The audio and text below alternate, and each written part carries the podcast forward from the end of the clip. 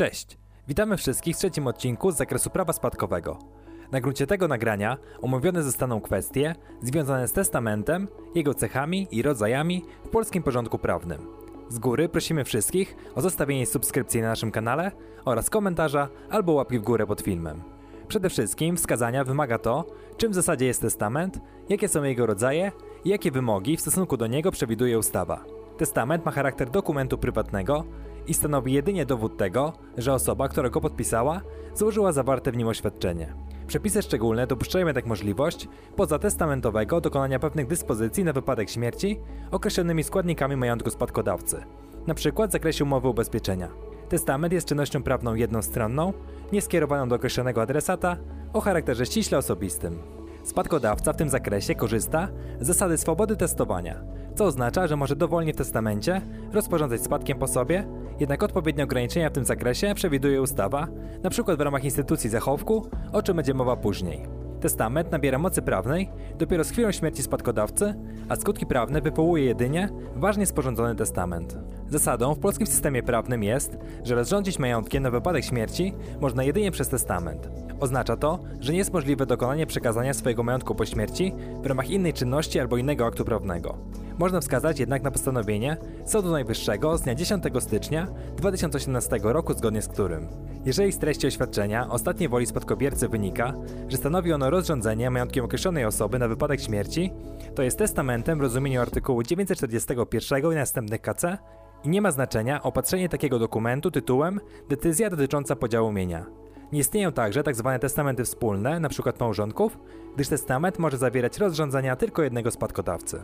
Zgodnie zaś z artykułem 943 kodeksu cywilnego, spadkodawca może w każdej chwili odwołać zarówno cały testament, jak i szczególne jego postanowienia. Odwołanie testamentu może nastąpić bądź w ten sposób, że spadkodawca sporządzi nowy testament, bądź też w ten sposób, że w zamierze odwołania testament zniszczy lub pozbawi go cech, od których zależy jego ważność. W zakresie pierwszego z tych warunków trzeba wskazać, że jeżeli spadkodawca sporządził nowy testament, nie zaznaczając w nim, że poprzedni odwołuje, ulegają odwołaniu tylko te postanowienia poprzedniego testamentu, których nie można pogodzić z treścią nowego testamentu. Natomiast zniszczenie testamentu może nastąpić w szczególności przez jego podarcie, spalenie lub pocięcie. W celu pozbawienia testamentu cech, od których zależy jego ważność, spadkodawca może przykład zamazać lub oderwać podpis. Odwołanie testamentu może nastąpić również w ten sposób, że spadkodawca dokona w testamencie zmian, z których wynika wola odwołania jego postanowień. Trzeba także pamiętać o tym, że spadkodawca nie może, w drodze testamentu lub innej czynności prawnej, zrzec się prawa do odwołania testamentu, ani zobowiązać się do jego nieodwoływania. Do sporządzenia ważnego testamentu konieczne jest spełnienie odpowiednich warunków. 1. Sporządzić i odwołać testament może tylko osoba mająca pełną zdolność do czynności prawnych. 2. Testament ma charakter osobisty, zatem testamentu nie można sporządzić ani odwołać przez przedstawiciela. 3. Nie zachodzą przesłanki określone w artykule 945 kodeksu cywilnego. Zgodnie ze wspomnianym przepisem testament jest nieważny, jeżeli został sporządzony. A.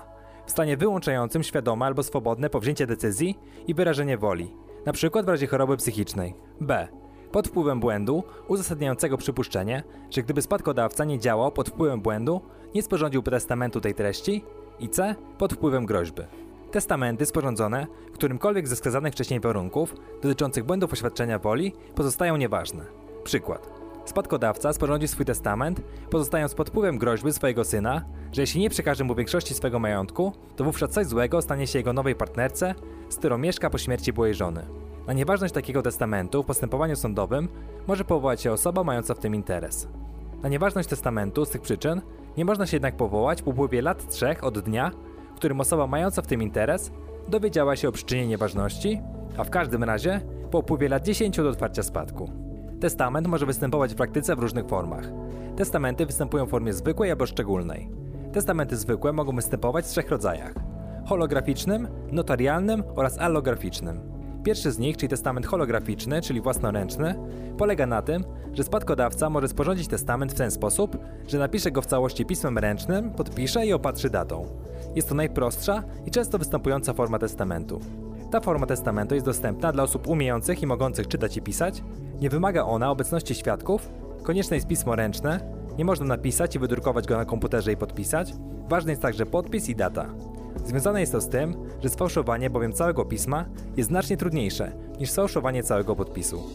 Testament może wyglądać na przykład w ten sposób, że ja, niżej podpisany Adam K., oświadczam, że na wypadek mojej śmierci, w pełni świadomy dokonywanych czynności, powołuję do spadku po mnie moją żonę Annę K. i syna Tomasza K. w części po jednej drugiej. Można dodać także informacje dotyczące tego, co wchodzi w skład majątku spadkodawcy oraz ewentualne zapisy czynione na rzecz innych osób, a także postanowienia dotyczące przyrostu czy też podstawienia. Drugą ze wskazanych form testamentu jest testament notarialny. W tym przypadku testament może być sporządzony w formie aktu notarialnego, a sporządzenie woli spadkodawcy wymagać będzie wizyty u notariusza. Zajmie się on wszystkimi formalnościami, jednakże będzie się to wiązało z większymi kosztami. Trzecim z omawianych rodzajów jest testament allograficzny. Zgodnie z artykułem 951 paragraf 1 KC, spadkodawca może sporządzić testament w ten sposób, że w obecności dwóch świadków oświadczy swoją ostatnią wolę ustnie wobec wójta, burmistrza, prezydenta miasta, starosty, marszałka województwa, sekretarza powiatu albo gminy lub kierownika Urzędu Stanu Cywilnego. Aby być świadkiem takiego testamentu, konieczne jest spełnienie odpowiednich warunków, o których powiemy później. W takim przypadku oświadczenie spadkodawcy spisuje się w protokole z podaniem daty jego sporządzenia taki protokół odczytuje się spadkodawcy w obecności świadków. Następnie protokół powinien być podpisany przez spadkodawcę, przez osobę, wobec której wola została oświadczona oraz przez świadków. Jeśli spadkodawca nie może podpisać protokołu, to należy to zaznaczyć w protokole ze wskazaniem przyczyny braku podpisu. Ustawa w tym zakresie przewiduje jeden wyjątek. Osoby głuche lub nieme nie mogą sporządzić testamentu w ten sposób. Drugim z omawianych rodzajów testamentów są testamenty szczególne. Wśród nich wyróżnia się także trzy formy testament ustny, podróżny oraz wojskowy. Testamenty szczególne charakteryzują się tym, że możliwość ich sporządzenia uzależniona jest od wystąpienia szczególnych okoliczności wskazanych wyraźnie w kodeksie cywilnym, a ich moc prawna jest ograniczona w czasie. Pierwszym z omawianych jest testament ustny.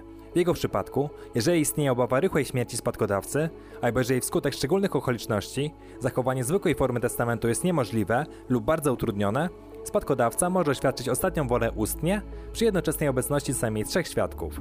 W tym przypadku wymagana jest liczba aż trzech świadków, a do przykładów, gdzie możliwe jest, zastosowanie tego testamentu ustnego zalicza się m.in. obawę rychłej śmierci, działania wojenne, klęskę żywiołową albo epidemię.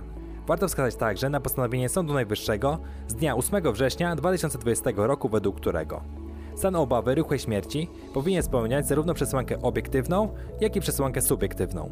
W judykaturze podkreśla się, że przekonanie spadkodawcy o rychłej śmierci może uzasadniać każda przyczyna: zły stan zdrowia, podeszły wiek, znajdowanie się w sytuacji zagrażającej bezpośrednio życiu, która w świetle aktualnej wiedzy i doświadczenia życiowego, przy uwzględnieniu indywidualnych właściwości organizmu spadkodawcy, może być przyczyną jego bliskiej śmierci.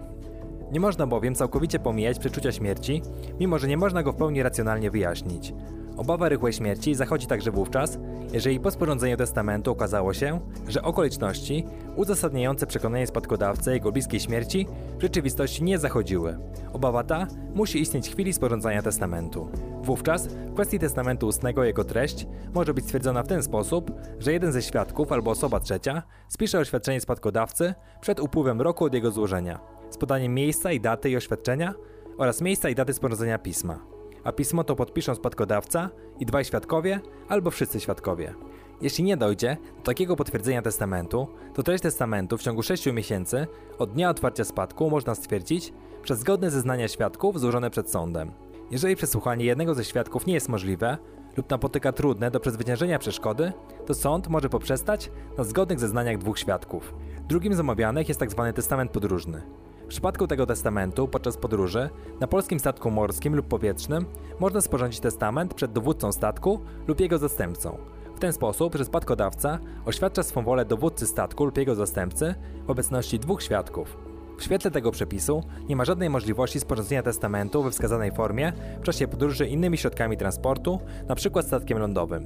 Wówczas dowódca statku lub jego zastępca spisuje wolę spadkodawcy, podając datę jej spisania i pismo to w obecności świadków odczytuje spadkodawcy, po czym pismo podpisują spadkodawca, świadkowie oraz dowódca statku lub jego zastępca. Jeżeli spadkodawca nie może podpisać pisma, to należy w piśmie podać przyczynę braku podpisu spadkodawcy. Natomiast trzecim z omawianych rodzajów jest testament wojskowy. Szczególną formę testamentów wojskowych określa rozporządzenie ministra obrony narodowej wydane w porozumieniu z ministrem sprawiedliwości. Ponadto, jak zostało wcześniej wskazane, testamenty szczególne mają ograniczony czasowo charakter. Testament szczególny traci bowiem moc z upływem 6 miesięcy od ustania okoliczności, które uzasadniały niezachowanie formy testamentu zwykłego, chyba że spadkodawca zmarł przed upływem tego terminu. Ustawa przewiduje także kilka przepisów, które stosuje się odpowiednio zarówno do testamentów zwykłych, jak i szczególnych. Dotyczą one m.in. warunków, jakie muszą spełnić określone osoby, aby zostać świadkami w razie spisywania testamentu. W Polsce nie może być świadkiem przy sporządzeniu testamentu. 1. Kto nie ma pełnej zdolności do czynności prawnych? 2. Niewidomy, głuchy lub niemy? 3. Kto nie może czytać i pisać? 4. Kto nie włada językiem, którym spadkodawca sporządza testament? I 5 skazany prawomocnie wyrokiem sądowym za fałszywe zeznania. Warto także pamiętać o tym, że nie jest istotna okoliczność, czy testator daną osobę zaprosił lub przywołał specjalnie w charakterze świadka. Może być nim także osoba, która przypadkowo przebywała w domu testatora. Nie będzie natomiast świadkiem osoba, do której spadkodawca swego świadczenia nie kierował, spadkobierca pozostający na uboczu itp. Świadkiem testamentu może być jedynie osoba fizyczna. Ustawa przewiduje także. Tak względną niezdolność do bycia świadkiem testamentu. Polega to na tym, że nie może być świadkiem przy sporządzaniu testamentu osoba, dla której w testamencie została przewidziana jakakolwiek korzyść. Nie mogą być również świadkami małżonek tej osoby, jej krewni lub powinowaci pierwszego i drugiego stopnia oraz osoby pozostające w nią w stosunku przysposobienia. Jeśli zaś już dojdzie do sytuacji, której świadkiem była jedna z tych osób, to nieważne jest tylko to postanowienie, które przysparza korzyści tej osobie, jej małżonkowi, krewnym lub powinowatym pierwszego lub drugiego stopnia albo osobie pozostającej z nią w stosunku przysposobienia. Nadto trzeba także wskazać, że w ramach testamentu spadkodawca może powołać do całości lub części spadku jedną lub kilka osób. Testator ma w tym zakresie dowolność. W praktyce istnieje także domniemanie równych udziałów. Jeżeli bowiem spadkodawca powołał do spadku lub do oznaczonej części spadku kilku spadkobierców, nie określając ich udziałów spadkowych, to dziedziczą oni w częściach równych. Natomiast jeśli spadkodawca przeznaczył oznaczonej osobie w testamencie poszczególne przedmioty majątkowe, które wyczerpują prawie cały spadek, to osobę tę poczytuje się w razie wątpliwości nie za zapisobiercę, lecz za spadkobiercę powołanego do całego spadku. O zapisie oraz zapisobiercach powiemy w kolejnych odcinkach kursu. Wreszcie, warto także wspomnieć o dwóch instytucjach, takich jak podstawienie oraz przyrost. Podstawienie pozwala spadkodawcy na elastyczne ukształtowanie porządku dziedziczenia testamentowego przy uwzględnieniu okoliczności, które mogą nastąpić po sporządzeniu testamentu. Dzieli się ono na podstawienie testamentowe zwykłe oraz powiernicze. Podstawienie zwykłe, czyli pospolite, następuje wtedy, gdy spadkodawca wskazuje jakąś osobę jako dochodzącą do dziedziczenia, gdyby powołany jako pierwszy nie chciał lub nie mógł dziedziczyć, gdy np. osoba odrzuci spadek albo zrzeknie się dziedziczenia. Podstawienie jest warunkowym powołaniem spadkobiercy, a decyzja w tym zakresie należy do spadkodawcy. Spadkodawca może ograniczyć podstawienie tylko do jednej lub niektórych spośród wymienionych sytuacji.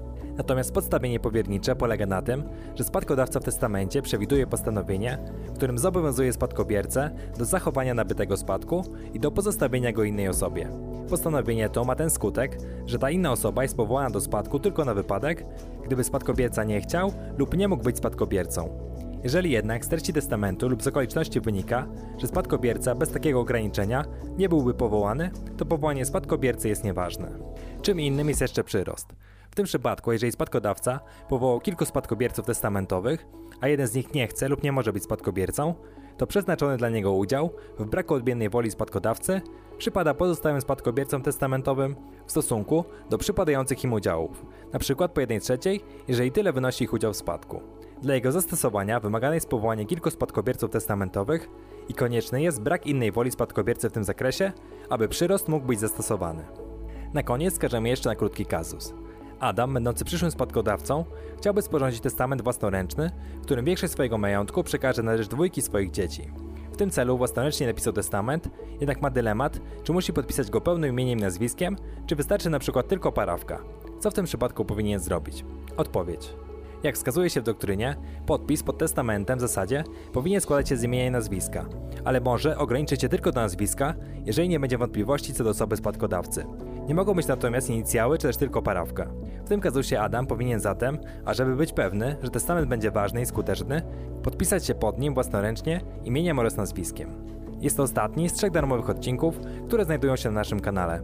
Na YouTube oraz Udemy dostępny jest także nasz darmowy poprzedni kurs Prawa Pracy, zatem możesz szybko sprawdzić, czy ta forma nauki jest dla Ciebie i czy sposób, w jaki przekazuję wiedzę Ci odpowiada. Koszt zakupu dostępu do całego kursu z prawa spadkowego to 59 zł 99 groszy. W skład pakietu wchodzą filmiki, nagrania, podręcznik, kazusy oraz wiele innych. Dla pierwszych osób dorzucamy bonusowy moduł dotyczący sposobów szybkiej oraz efektywnej nauki. W opisie do filmiku znajdziecie więcej na temat testamentu w formie artykułu ze źródłami. Zapraszamy też na naszego Facebooka Prawa dla Ciebie, LinkedIna, Instagrama, naszą grupę na Facebooku, stronę internetową oraz podcast na platformie Spotify. Wszystkie linki zamieszczamy w opisie. Na koniec jeszcze bibliografia, na podstawie której przygotowaliśmy dzisiejszy materiał. Jeśli masz jakieś pytania, problemy albo pomysły, jakie tematy powinniśmy poruszyć w kolejnych odcinkach, pisz śmiało w komentarzu. Do usłyszenia.